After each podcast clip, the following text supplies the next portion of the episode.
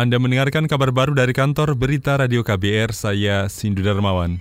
Saudara Undang-Undang KPK hasil revisi akan berlaku besok meski aturan itu belum ditandatangani Presiden Jokowi. Besok adalah tepat sebulan sejak bilit itu disahkan DPR 16 September lalu. Pelaksana tugas Menteri Hukum dan HAM Cahyo Kumolo mengatakan, Undang-Undang KPK hasil revisi tetap berlaku tanpa perlu menunggu aturan turunannya. Kata dia, aturan itu tetap berlaku meski Presiden juga belum menerbitkan aturan soal Dewan Pengawas. Cahyo tidak merinci perubahan kerja KPK setelah Undang-Undang KPK berlaku.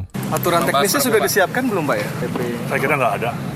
Yang saya pahami sebuah undang-undang yang sudah dibahas bersama, putuskan dalam paripurna DPR selama 30 hari kalau belum ditandatangani oleh Presiden itu otomatis berlaku.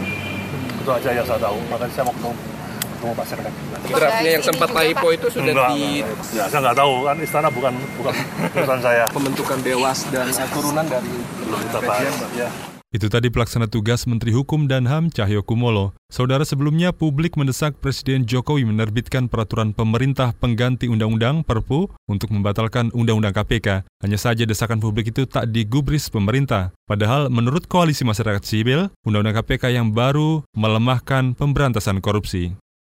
Mahkamah Konstitusi MK menggelar sidang pendahuluan gugatan syarat batas minimal usia untuk mencalonkan diri menjadi kepala daerah. Gugatan ini diajukan empat politisi muda yakni Valdo Maldini, Samara Amani, Dara Nasution, dan Cakra Yudi Putra. Hakim MK Saldi Isra menilai permohonan yang diajukan empat politisi muda itu harus diperbaiki. Dan yang paling penting adalah memberikan basis argumentasi mengapa pasal 7 yang dipersoalkan di sini, pasal 7 yang tadi saya bacakan ayat 2 huruf E itu bertentangan misalnya dengan pasal 18. Pasal berapa lagi yang dirujuk sebagai pasal yang dianggap kalau mempertahankan batas usia ini tanpa mengubahnya itu bertentangan dengan pasal-pasal berapa di konstitusi mesti diberikan bangunan argumentasi yang jelas setiap pasal yang dirujuk itu. Hakim MK Saldi Isra meminta pemohon menjelaskan secara eksplisit berapa usia minimal yang dipilih untuk gugatan ini. Hakim MK memberikan waktu perbaikan permohonan 14 hari hingga 29 Oktober 2019.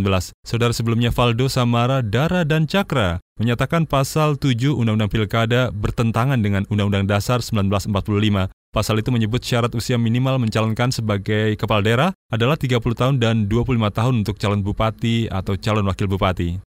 Presiden Joko Widodo meminta relawannya membatalkan rencana kira budaya untuk merayakan pelantikannya sebagai presiden periode 2019-2024. Kepala Staf Presiden Muldoko mengatakan Jokowi ingin pelantikannya 20 Oktober nanti dilaksanakan dengan sederhana. Jokowi akan menyapa dan mengadakan doa bersama di Istana Merdeka usai acara pelantikan di gedung MPR Senayan.